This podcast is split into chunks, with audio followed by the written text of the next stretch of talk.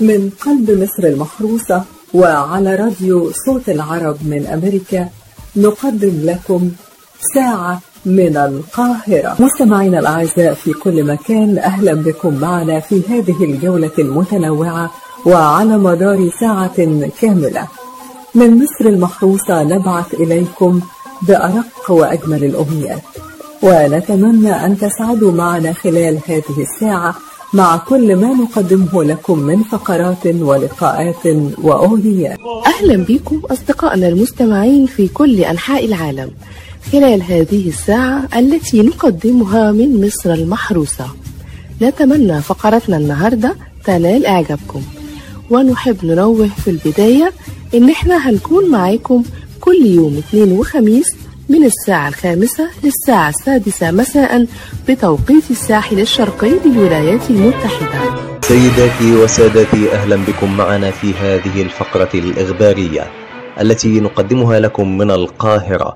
يقرأها عليكم محمد عمر وفرح الأعصر الجمعية العامة للأمم المتحدة تنتخب رئيسا للدورة 75 لمدة عام.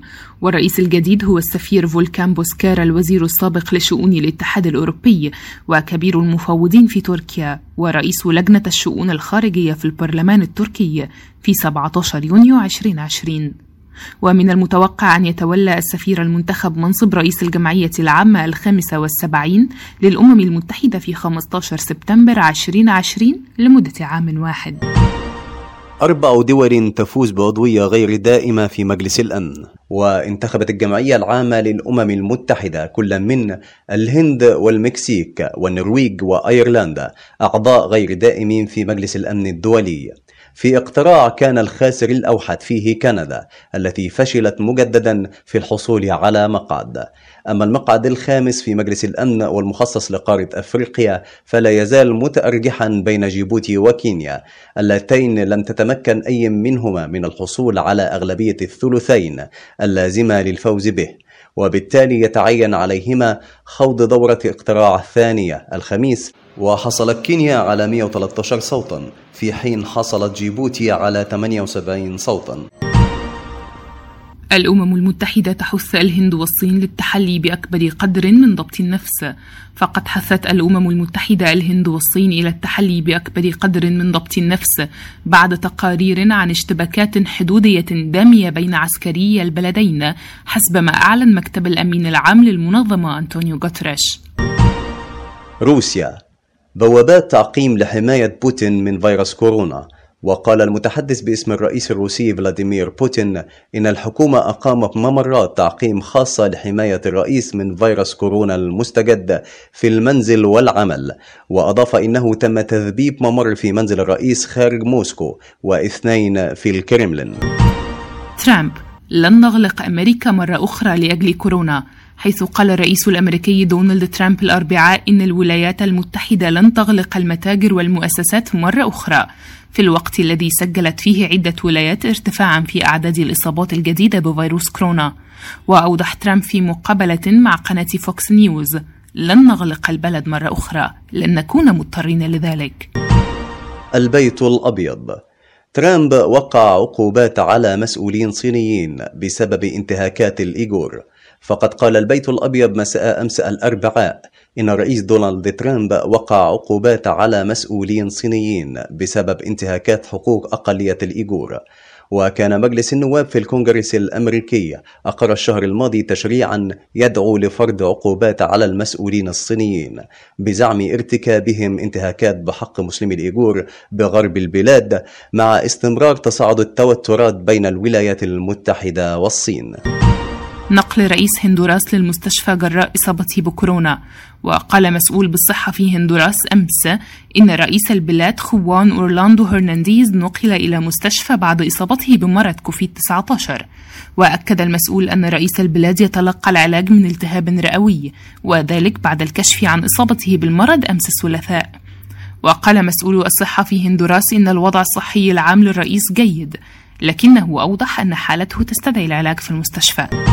السفير الصيني بالقاهرة الصين تتعهد بتوفير لقاح كورونا للدول الإفريقية بعد تطويره وأكد السفير أن الرئيس الصيني تعهد بأن الدول الإفريقية ستكون من أوائل الدول التي تستفيد من لقاح كورونا المستجد بعد تطويره من جانب العلماء الصينيين.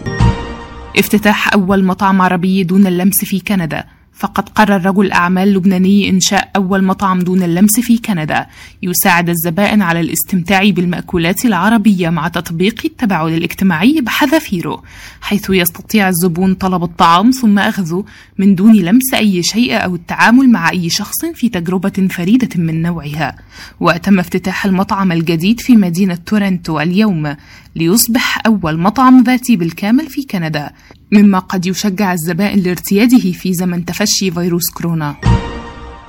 كورونا يقتحم مصنعا للحوم بألمانيا ويصيب المئات حيث أعلنت السلطات الألمانية أمس الأربعاء أن 400 شخص في مصنع ضخم لتعليب اللحوم أصيبوا بفيروس كورونا المستجد غربي البلاد وسط مخاوف من تحول المكان إلى بؤرة. سقوط صواريخ قرب السفارة الأمريكية في بغداد. سقطت عدة صواريخ فجر الخميس على المنطقة الخضراء الشديدة التحصين وسط بغداد بالقرب من السفارة الأمريكية بالعراق. في خامس هجوم من نوعه خلال عشرة أيام بحسب ما قال مصدر أمني داخل المنطقة الخضراء لوكالة فرانس بريس. وسمع دوي ثلاث انفجارات على الأقل تبعه صوت صفارات إنذار المنطقة الخضراء. ولم يعرف على الفور ما إذا خلف الهجوم ضحايا وأضرار. مصر. عودة المصريين المحتجزين في ليبيا إلى البلاد. فقد وصل 23 مواطنا مصريا ممن كانوا محتجزين بالأراضي الليبية إلى منفذ السلوم. وذلك عقب اتصالات مصرية ليبية ساهمت في إعادتهم وتأمين وصولهم للبلاد. وذلك بعد تدخل الرئيس عبد الفتاح السيسي وتكليفه أجهزة الدولة بإنهاء أزمة المحتجزين في ليبيا. مصر تسجل تراجعا في أعداد مصابي كورونا حيث أعلنت وزيرة الصحة المصرية هالة زي مساء الأربعاء رصد 1363 إصابة جديدة بفيروس كورونا المستجد وتسجيل 84 حالة وفاة. في تراجع نسبي عن الأيام السابقة في عدد الحالات الجديدة أو عدد الإصابات. ليصل بذلك إجمالي الإصابات إلى 49219 و 1850 حالة وفاة. السودان يمدد الحظر ويبدأ تفويج العالقين. فقد أعلنت اللجنة العليا للطوارئ الصحية في السودان يوم الأربعاء تمديد حظر التجوال في العاصمة الخرطوم والمدن الأخرى المشمولة حتى التاسع والعشرين من يونيو الجاري. مع فترة سماح بالحركة داخل الأحياء بين السادسة صباحا والثالثة ظهرا. الإمارات تتصدر دول العالم في عدد فحوص كورونا للفرد. وكشف وزير الصحة ووقاية المجتمع في دولة الإمارات أمس إن دولة الإمارات تحتل المركز الأول عالميا في عدد الفحوص لفيروس كورونا المستجد للفرد. وأوضح وزير الصحة أن الإمارات وصلت إلى هذه الصدارة بعدما تجاوزت حاجز ثلاثة ملايين فحص في فترة زمنية قياسية. وأضاف أن متوسط الفحص اليومي لفيروس كورونا في دولة الإمارات ارتفع من 25 ألفا إلى أكثر من 40 ألف فحص في الوقت الحالي. مجلس الأمن القومي الأمريكي يطالب إثيوبيا بصفقة عادلة قبل ملء سد النهضة. ووجه مجلس الأمن القومي الأمريكي رسالة للقيادة الأثيوبية بضرورة إبرام صفقة عادلة مع دول المصب المتضررة من بناء سد النهضة. قبل الملء وكتبت الصفحة الرسمية لمجلس الأمن القومي على تويتر 257 مليون شخص في شرق إفريقيا يعتمدون على إثيوبيا في إظهار قيادتها القوية لإبرام صفقة عادلة. حان الوقت لإنجاز الصفقة قبل ملئها للسد من نهر النيل. وبهذا الخبر نكون قد وصلنا إلى نهاية فقرتنا الإخبارية اليوم. قرأها عليكم محمد عمر وفرح الأعصر. من قلب مصر المحروسة وعلى راديو صوت العرب من أمريكا ساعة من القاهرة. والآن حان موعدنا مع الفقرة الدينية وتدور الفقرة اليوم حول فضل العلم والعلماء ويسعدنا أن يكون ضيفنا اليوم فضيلة الشيخ أبو المعارف أحمد. أبو المعارف من علماء وزارة الأوقاف المصرية. بسم الله الرحمن الرحيم. الحمد لله وكفى وصلاة وسلاما على عباده الذين اصطفى وبعد يقول الله عز وجل في كتابه العزيز وما كان المؤمنون لينفروا كافة فلولا نفر من كل فرقة منهم طائفة ليتفقهوا في الدين ولينذروا قومهم. ولينذروا قومهم إذا رجعوا إليهم لعلهم يحذرون. أيها المستمعون الكرام لقد رفع الله تعالى شأن العلم وأهله وبين مكانتهم ورفع منزلتهم فقال سبحانه وتعالى يرفع الله الذين آمنوا منكم والذين أوتوا العلم درجات والله بما تعملون خبير. ولم يأمر الله تعالى نبيه صلى الله عليه وسلم بالاستزادة من شيء إلا من العلم. فقال له سبحانه وتعالى وقل رب زدني علما. وما ذاك إلا لما للعلم من أثر في حياة البشر. فأهل العلم هم الأحياء وسائر الناس أموات. العلم يجلو العمى عن قلب صاحبه كما يجلى سواد الظلمة بالقمر. فلولا العلم ما سعدت نفوس ولا عرف الحلال ولا الحرام. فبالعلم النجاة من المخازي وبالجهل المذلة والرغام. ولقد منع الله سبحانه وتعالى المساواة بين العالم والجاهل لما يختص به العالم من فضيلة العلم ونور المعرفة. قل هل يستوي الذين يعلمون والذين لا يعلمون إنما يتذكر أولو الألباب؟ وجاءت الصيحة الأولى المدوية في كتاب الله عز وجل اقرأ. فقد أطلق الإسلام هذه الصيحة في أنحاء المعمورة لتنوه بقيمة العلم والعلماء وتسمو بقدره وتجعل أول لبنة في بناء الأفراد والشعوب وكيان الأمم والمجتمعات هي القراءة والكتابة. عن أبي الدرداء رضي الله عنه قال سمعت رسول الله صلى الله عليه وسلم يقول من سلك طريقا يطلب فيه علما سلك الله به طريقا من طرق الجنة وإن الملائكة لتضع أجنحتها رضا لطالب العلم وإن العالم لا يستغفر له من في السماوات ومن في الأرض والحيتان في جوف الماء. وإن فضل العالم على العابد كفضل القمر ليلة البدر على سائر الكواكب.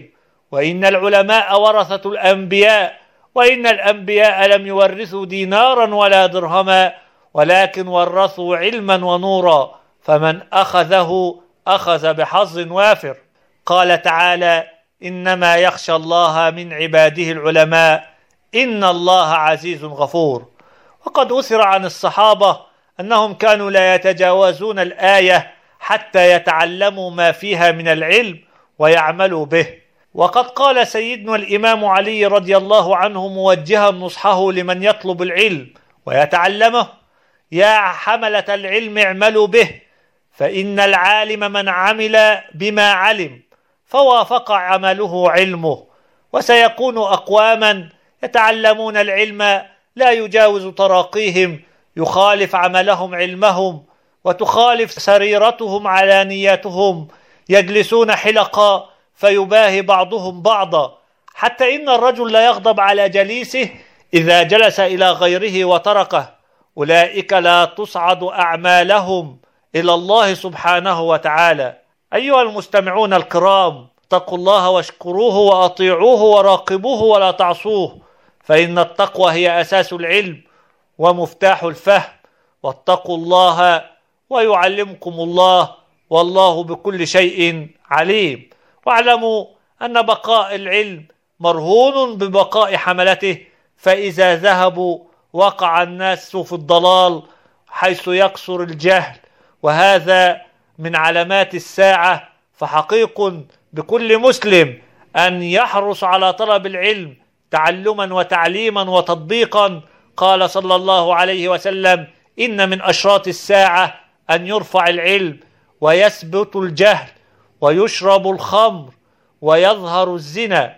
وارتفاع العلم إنما يكون بموت العلماء حيث يموت علمهم معهم فعن عبد الله بن عمرو بن العاص رضي الله عنهما قال سمعت رسول الله صلى الله عليه وسلم يقول إن الله لا يقبض العلم انتزاعا ينتزعه من الناس ولكن يقبض العلم بقبض العلماء حتى إذا لم يترك عالما اتخذ الناس رؤوسا جهالا فسئلوا فأفتوا بغير علم فضلوا وأضلوا. أولم يروا أن نأتي الأرض ننقصها من أطرافها؟ والله يحكم لا معقب لحكمه وهو سريع الحساب. فعن عطاء رحمه الله قال هذه الآية في موت العلماء وذهاب الفضلاء وفقهاء الأرض وخيار أهلها ولا يزال عالم يموت وأثر للحق يندرس حتى يكثر أهل الجهل ويرفع العلم فاحرصوا أيها المستمعون الكرام على تعلم العلم وتعلموا له السكينة والوقار وهذبوا به أخلاقكم وقوموا به أفعالكم وأقوالكم. أقول قولي هذا وأستغفر الله العظيم لي ولكم وصلى الله على سيدنا محمد وعلى آله وصحبه وسلم. من قلب مصر المحروسة وعلى راديو صوت العرب من أمريكا ساعة من القاهرة. مستمعينا الأعزاء أهلا بكم معنا في هذه الفقرة التي نتحدث فيها عن السيرة المضيئة لإمام الدعاة فضيلة الشيخ محمد متولي الشعراوي إمام المفسرين في العصر الحديث وأبرز علماء عصره في العالم العربي والإسلامي. آذان مصغية وعيون شاخصة أعناق مشرئبة وقلوب تنصت بإيمان. الصغير والكبير والمتعلم والأمي الكل متحلق حول الأستاذ والعالم والمعلم فضيلة الشيخ محمد متولي الشعراوي ليستمع إلى الخواطر الإيمانية التي تنساب منه بكل روحانية وإيمان وخشوع. يحدث من التفوا حوله بلغتهم البسيطة.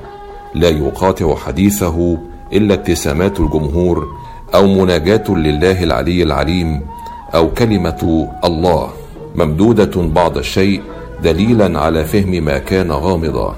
هكذا كانت الصورة التي تعودت عليها معظم البيوت في مصر والعالم العربي كل جمعة طيلة خمسة وعشرين عاما. أطل فيها الشيخ الشعراوي على البيوت من خلال شاشات التلفاز في عام 1973 حتى وفاته في عام 1998 عن 87 عاما ليجمع بأسلوبه السهل البسيط وبحديثه الشائق قلوب المصريين والعرب. ويوم أمس الأربعاء مرت علينا ذكرى رحيل إمام الدعاة الشيخ الشعراوي الثانية والعشرين. لنتذكر معها جولات وصولات للشيخ محمد متولي الشعراوي في تفسير القرآن الكريم وهو الذي يعد من أهم علماء الدين الذين قاموا بتفسيره بكل براعة واقتدار. ويعد إمام الدعاة الشيخ محمد متولي الشعراوي أحد أشهر مفسري معاني القرآن الكريم في العصر الحديث. واشتهر بطريقته المبسطة في شرح معاني القرآن الكريم مما جعله يصل إلى قلوب ملايين المسلمين. ليس في مصر فقط وإنما في جميع أنحاء العالم. وعلى اختلاف ثقافاتهم حتى لقب بإمام الدعاء. وكان علما بارزا في الدعوة إلى الله تبارك وتعالى فكان إماما وداعيا ومفسرا للقرآن الكريم. بل إنه صاحب أول تفسير شفوي للقرآن الكريم حيث أتم تفسير القرآن الكريم كاملا على إذاعة القرآن الكريم في المملكة العربية السعودية. ولد الشيخ محمد متولي الشعراوي في الخامس عشر من أبريل نيسان من عام 1911 في قرية دقدوس بمحافظة الدقهلية في دلتا مصر. واعتاد الشعراوي الذهاب إلى كتاب قريته حتى نجح في حفظ القرآن وهو في سن لا تتجاوز أحد عشر عاما. وقد حرص الشيخ متولي الشعراوي منذ صغره على التبحر في القرآن الكريم واستكمال دراسته رغم انتمائه لأسرة مصرية بسيطة. واتجه في مرحلة صغيرة من حياته إلى حفظ النثر والشعر حتى اختير رئيسا لجمعية الأدباء بالزقازيق الأمر الذي جعله شخصية قيادية في الحياة العامة حتى تولى مسؤولية اتحاد الطلبة بجامعة الأزهر في عام 1934 درس الشيخ الشعراوي في كلية اللغة العربية وظل مهتما بدروسه حتى تخرجه في عام 1941 وطوال هذه الفترة تميز بإلقاء الدروس في المساجد قبل أن يبدأ حياته المهنية بالتدريس في المعاهد الأزهرية في مدن الزقازيق وطنطا والإسكندرية وذلك قبل أن ينتقل بعلمه وخبرته إلى المعاهد في الجزائر والسعودية. في عام 1950 بدأ التدريس في كلية الشريعة بجامعة أم القرى بمكة المكرمة. واستكمل التدريس في جامعة الملك عبد العزيز في مكة المكرمة قبل أن يعود إلى مصر في عام 1961 بعد عودة الشيخ الشعراوي إلى مصر تولى في حقبة السبعينيات منصب وكيل معهد طنطا الأزهري ومسؤول الدعوة الإسلامية بوزارة الأوقاف المصرية وعمل مفتشا للعلوم العربية بالوزارة نفسها. قبل أن يعين مديرا لمكتب شيخ الأزهر وقتها وعلى الرغم من أن الشعراوي كان يفضل طوال الوقت نقل خبراته في العلم والدين إلى آخرين عبر دروس المساجد والتدريس في الكليات والمعاهد الأزهرية فإنه اختير من قبل الرئيس المصري الراحل أنور السادات ليكون وزيرا للأوقاف في عام 1976 وسرعان ما تقدم الشيخ الشعراوي باستقالته من المنصب نهاية عام 1978 وتفرغ لشؤون الدعوة إلى الله بعد عام 1989 ورفض تولي جميع المناصب السياسية. في سبعينيات القرن الماضي عاد الشيخ الشعراوي إلى تقديم الدروس المسجدية وتفسير القرآن الكريم وهي المهمة التي تميز بها وسط علماء الدين الإسلامي. في هذه المرة لم تقتصر الدروس على المساجد فقط بل دعمته الدولة المصرية بتخصيص برنامج نور على نور لمدة عشر سنوات متواصلة بداية من عام 1973 له وتدريجيا أصبحت دروس الشيخ الشعراوي جزءا أساسيا من حياة المصريين بمشاهدة البث التلفزيوني الثابت خواطر إيمانية التي يفسر فيها آيات ونصوص القرآن الكريم. حرص شيخ محمد متولي الشعراوي على نقل خبراته العلمية إلى كتب ومؤلفات عديدة مثل المنتخب في تفسير القرآن الكريم نظرات في القرآن الكريم وعلى مائدة الفكر الإسلامي الإسلام والفكر المعاصر ومئة سؤال وجواب في الفقه الإسلامي والطريق إلى الله والشورى والتشريع في الإسلام. ونظرا لدوره العظيم في خدمة الإسلام حصل على عدة أوسمة وجوائز بداية من وسام الاستحقاق لتقاعده في عام 1976 ووسام العلوم والفنون من الطبقة الأولى في الاحتفال بالعيد الألفي للأزهر الشريف في عام 1983 ووسام الجمهورية وجائزة الدولة التقديرية في عام 1988 واختارته رابطة العالم الإسلامي بمكة المكرمة. عضوا بالهيئة التأسيسية لمؤتمر الإعجاز العلمي في القرآن الكريم والسنة النبوية. ظلت إسهامات الشيخ الشعراوي في الدين وتفسير القرآن الكريم ممتدة حتى وفاته. وفي يوم السابع عشر من شهر يونيو من عام 1998 رحل إمام الدعاة فضيلة الشيخ محمد متولي الشعراوي في مشهد جنائزي مهيب داخل مسقط رأسه بقرية دقدوس بمحافظة الدقهلية تاركا إرثا علميا ودينيا من الحلقات التلفزيونية من خواطره حول آيات القرآن الكريم وعدد من المؤلفات الهامة في الفقه والتفسير. شكرا لكم مستمعينا الكرام ولكم تحياتي قدم لكم هذه الفقرة ياسر نصر. من قلب مصر المحروسة وعلى راديو صوت العرب من أمريكا ساعة من القاهرة. أهلا بكم أصدقائنا المستمعين. فقرتنا اليوم عن الدينار. يعود أصل كلمة الدينار بأصول يونانية وهي مشتقة من كلمة دينوريوس والتي تعني في اللغة العربية وحدة ذهبية ومعروف أن هذه الوحدة الذهبية كانت تستعمل من قبل الإغريق قديما في بلادهم وقد تحول لاحقا اسم دينوريوس إلى داينار.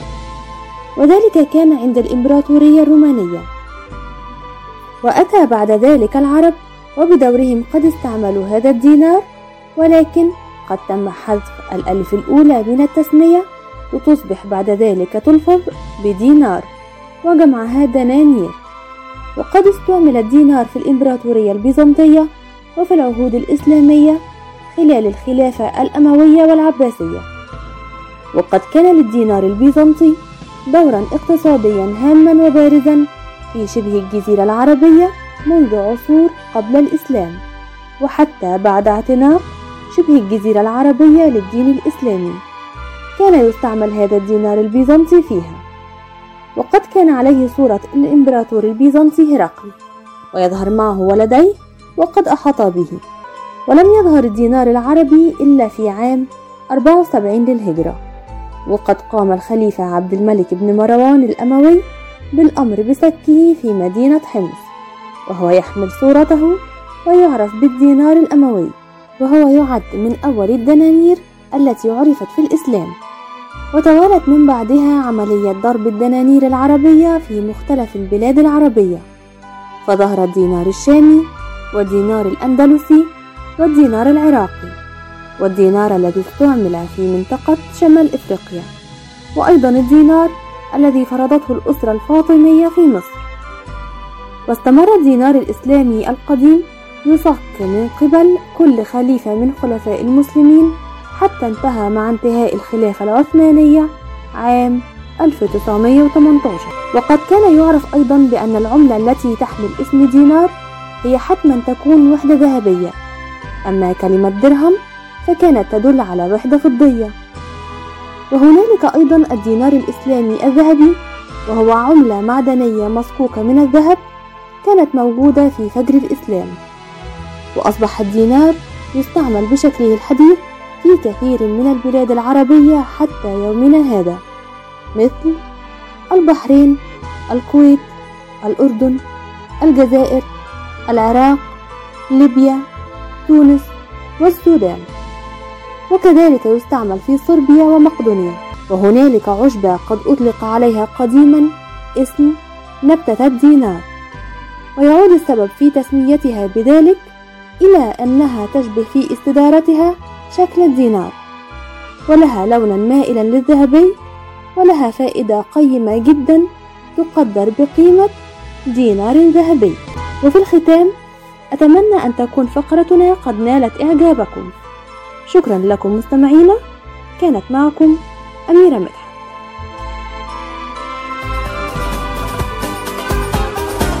من قلب مصر المحروسة وعلى راديو صوت العرب من أمريكا ساعة من القاهرة.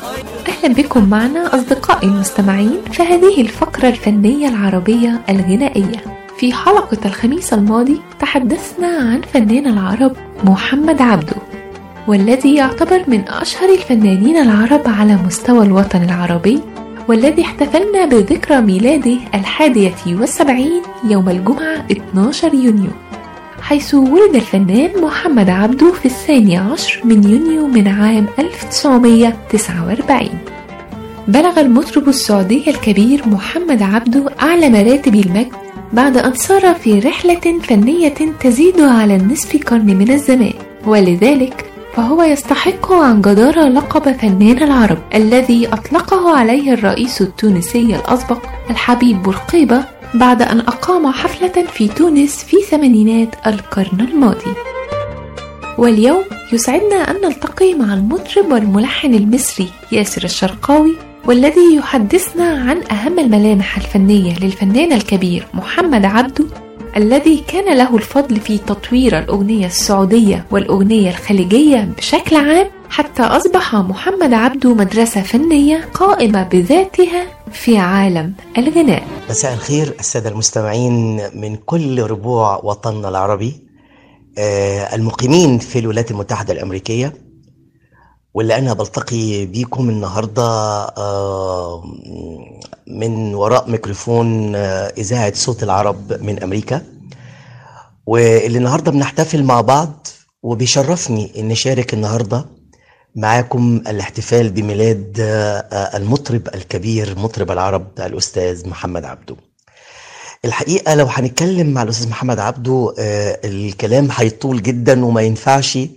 إن هو يختزل في وقت آه، قصير لأنه تاريخ كبير جدا ممتد لنصف قرن آه، من العطاء الفني الجميل والعظيم. آه، ولكن أنا بإيجاز شديد جدا هتكلم عن الملامح الفنية آه، فيما قدمه نجم العرب الأستاذ محمد عبده من أغاني. والحقيقة هي محطات كثيرة جدا جدا جدا لأنه منذ بداياته آه، وهذا التطوير أو هذا التطور الذي أضافه على الأغنية الخليجية لأنه في بداياته الأستاذ محمد عبده كان بيغني الحاجات التراثية الخاصة بالسعودية الحاجات الأغاني التراثية السعودية.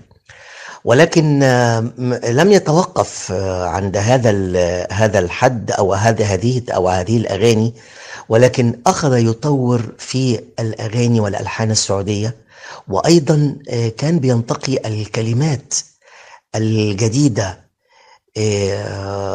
ويسعى لكل ما هو جديد في الكلمة ليقدمها من خلال ألحانه اللي كان بيقدمها. في الأغاني الشهيرة جدا جدا واللي ارتبطت بينا الحقيقة على مدار سنوات وإلى الآن.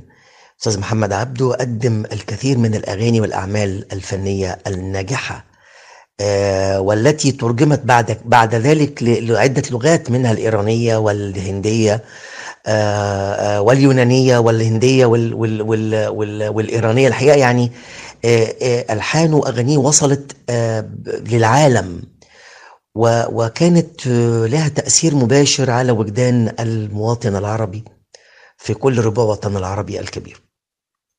الملامح الفنية نرجع تاني إن هو أخذ في تطوير الألحان والاغنية السعودية لكي تكون أبسط لأنه الألحان السعودية التراثية مرتبطة بنغم وبإيقاعات تعتبر إيقاعات صعبة جدا من يعني مش أي حد يقدر يتذوقها أو يعني أو يفهمها. فأخذ على عاتقه أنه هو يطور هذه الألحان. وابتدى يتعامل مع ملحنين كبار جدا جدا. ومن خلال حفلات كتيرة قدمها في الوطن العربي في تونس وفي الجزائر وفي مصر وفي طبعا الخليج العربي كله وفي الأردن وفي المغرب وفي أمريكا على فكرة عمل حفلات كثيرة جدا جدا وفي كندا. الحقيقة يعني وصل للعالمية بالأغنية السعودية المطورة. وبعد أن كانت الأغنية بتغنى أو بتلحن بالعود وبالإيقاعات فقط ابتدى يتجه إلى التوزيع الموسيقي للحن السعودي عن طريق الأوركسترا. خطوط الكمانجات والآلات الفردية زي الأورج وزي الناي وزي الساكسفون وزي البيانو. الحقيقة أضاف الكثير والكثير والكثير من تطوير على الأغنية السعودية. نيجي بعد كده للأداء المتميز والصوت الجميل الذي يتمتع به فنان العرب الأستاذ محمد عبده. واللي الحقيقة أصبح مدرسة يعني إحنا لما نشوف كل مطربين الخليج اللي ظهروا في فترة الثمانينات والتسعينات وإلى الآن كلهم متخرجين من مدرسة الأستاذ محمد عبده. لأنه هو متفرد ومتميز جدا في أدائه. وعلى سبيل المثال هنلاقي الأستاذ النجم الجميل عبد المجيد عبد الله هنلاقي الأستاذ نبيل شعيل هنلاقي الأستاذ راشد الماجد. الحقيقة كل النجوم الكبار اللي إحنا بنسمعهم كلهم طالعين من خلال مدرسة الأستاذ محمد عبده وهو يستحق لقب مطرب العرب. و... وإلى الآن طبعا الألحان الحديثة بتاعته كلها اللي إحنا بنسمعها أغنية الأغنية الرائعة مذهلة وإلى أغنية الأماكن الجميلة جدا اللي كل كل فترة بيطلع لنا بحاجة أيقونة من أيقوناته الجميلة وبيزود رصيده الكبير جدا جدا من الأغاني. اللي تفضل عايشة معانا وتفضل متميزة بالبصمة بتاعت الأستاذ محمد عبده وبإحساسه المميز جدا. كل التمنيات له بالصحة والسعادة وإن شاء الله نلتقي مرة تانية مع نجم آخر. وبشكركم جدا وأنا سعيد جدا كنت معاكم من خلال ميكروفون إذاعة صوت العرب من أمريكا. شكرا. الموسيقار ياسر الشرقاوي بشكركم جدا والحلقة الجاية أكون معاكم إن شاء الله في فقرة جديدة من فقرات ساعة من القاهرة. أرق تحياتي أرسلها لكم من القاهرة رنا عصام من قلب مصر المحروسة وعلى راديو صوت العرب من أمريكا ساعة من القاهرة. أهلا بكم مستمعينا الأعزاء مستمعي ساعة من القاهرة على صوت العرب من أمريكا.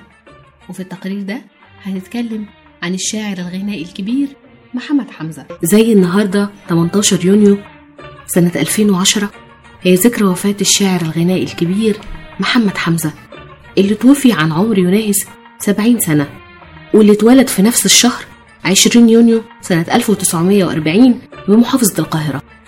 وعن حياة شاعرنا العملية احترف حمزة سنة 1963 كتابة الأغاني من خلال أغنية أؤمر يا قمر لفايزة أحمد.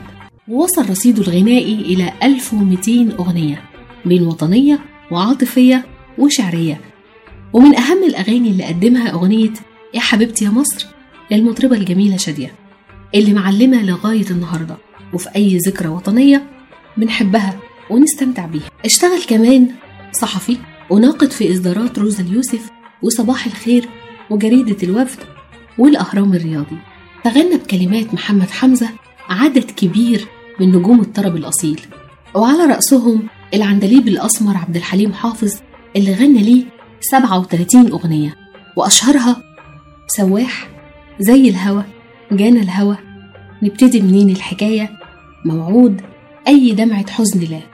حاول تفتكرني مداح القمر ماشي الطريق بحلم بيوم مين أنا؟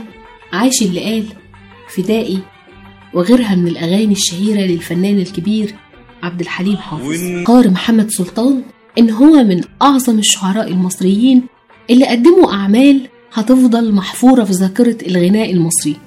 وإن أول ألحانه كانت من كتابة الرائع محمد حمزة وهي هات الفل مع الياسمين وأمر يا قمر.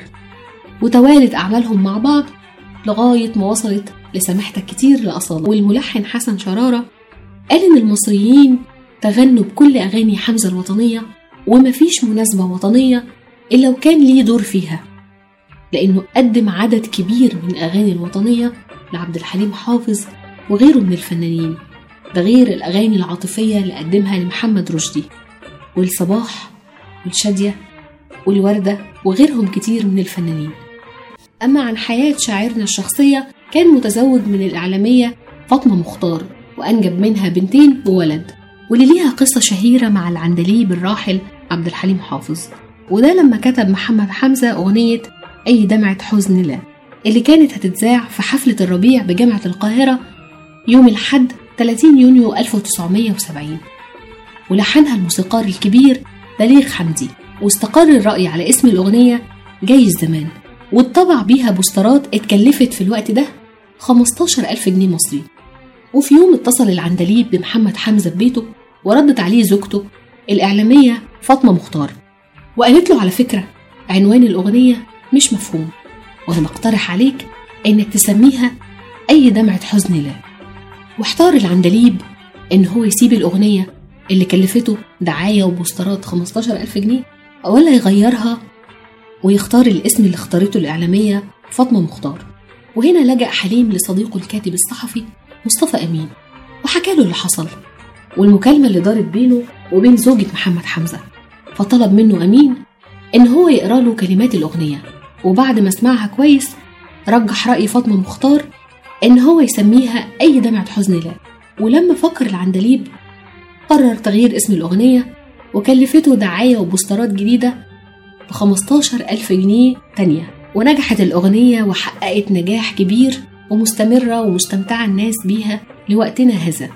وقالت دعاء ودينا بنات الشاعر الغنائي الكبير محمد حمزة في أحد اللقاءات على الإذاعات المصرية وإن هما ما لحقوش جيل عبد الحليم بس لحقوا جيل محمد ثروت ومدحت صالح وسميرة سعيد وألبوم أصالة سامحتك وقالوا إن هما من أحب الأغاني لقلبهم طاير يا هوا لمحمد رشدي وزي الهوا لعبد الحليم. وإن أغنية يا حبيبتي يا مصر اتغنت بعد سنة 67 وما اتغنتش لانتصار مصر في حرب أكتوبر 73 لكنها اتعملت بعد هزيمة 67 علشان ترفع من روح الشعب. وهي مزيج بين شجن وبهجة ومشاعر وقت الاستنزاف ومحاولة الانتصار. وتبعت دينا وقالت كان والدي دايما مؤمن إن مصر حاجة كبيرة وهتعدي من المحنة دي. وده كان إحساسه في أي أغنية بيكتبها. وتعاون الشاعر محمد حمزة مع الثنائي الشهير ملك حمدي ووردة. وقدم لوردة أغاني الحب واللهفة اللي اتقدمت من كتاباته لأنه كان بيمتاز بحس رومانسي. وقالت بنته دينا في إحدى اللقاءات إن كوبليه أغنية كل غنوة لما قال كل غنوة على الفرحة كانت على الصبر كانت على الحب كان كتبتها وقلتها كانت عشانك. إن الأغنية دي اتعملت لوالدتها فاطمة مختار. وأغنية ماشي الطريق اللي اتعملت في مسلسل إذاعي أرجوك لا تفهمني بسرعة وهو المسلسل الإذاعي الوحيد لعبد الحليم حافظ وأغنية بحلم بيوم والدها عملها لوالدتها. والشاعر الكبير محمد حمزة كان بيمتاز بأسلوبه السلس الرومانسي والسهل الممتنع اللي بيدخل للقلب على طول. وكان دايما بيدعو للبعد عن اليأس والكتابة كانت بتمثل لشاعرنا الغنائي الكبير حياة. ومن أشهر أعماله ظالم يا زمان عشقة وغلبانة والنبي قابلت كتير. قد التحدي الخيزرانة بناديلك راجع طاير يا هوا وكتب للشحرورة صباح عشقة وغلبانة والنبي وقابلت كتير. وغيرها من الأغاني الجميلة اللي أمتعتنا بيها صباح. وعمل الفنان محمد رشدي طاير يا هوا على الرملة. ميت أشوفك. بهية وعيون بهية. وللفنانة وردة العيون السود. حكايتي مع الزمان. أنده عليك. بلاش تفارق. طب وأنا مالي؟ وغيرها من الأغاني الجميلة اللي أمتعنا بيها. وقدم مع أصالة يا صبريانة. سامحتك كتير. وغيرها من الأغاني الجميلة اللي أمتعتنا ومستمرة لوقتنا هذا. وبعد صراع طويل مع المرض توفي 19 يونيو سنة 2010 عن عمر يناهز 70 سنة. وبكده يبقى وصلنا لنهاية رحلتنا مع الشاعر الغنائي الجميل محمد حمزة. كنت معاكم أنا شيرين سليمان ونشوفكم بخير الحلقة الجاية. شكرا لكم مستمعينا الأعزاء. نرجو أن نكون قد أسعدناكم خلال هذه الساعة. انتظرونا في الحلقة القادمة بإذن الله تعالى وموضوعات جديدة دائما. لكم تحيات أسرة فريق ساعة من القاهرة على راديو صوت العرب من أمريكا. شارك في هذه الحلقة من أسرة البرنامج شيرين سليمان رنا عصام أميرة مدحت محمد عمر وفرح الأعصر. وشكر خاص للإذاعي الكبير ياسر نصار. مستمعينا الأعزاء وبكده نكون وصلنا بيكم إلى نهاية فقرتنا ورحلتنا النهاردة. وعلى أمل أن يتجدد اللقاء معكم في حلقة قادمة ورحلة جديدة بإذن الله. ومن هنا من قلب القاهرة نرسل لكم بأرق أمنياتنا الطيبة بقضاء أجمل الأوقات. وهذه أرق تحياتي. كان معكم من القاهرة مجدي فكري.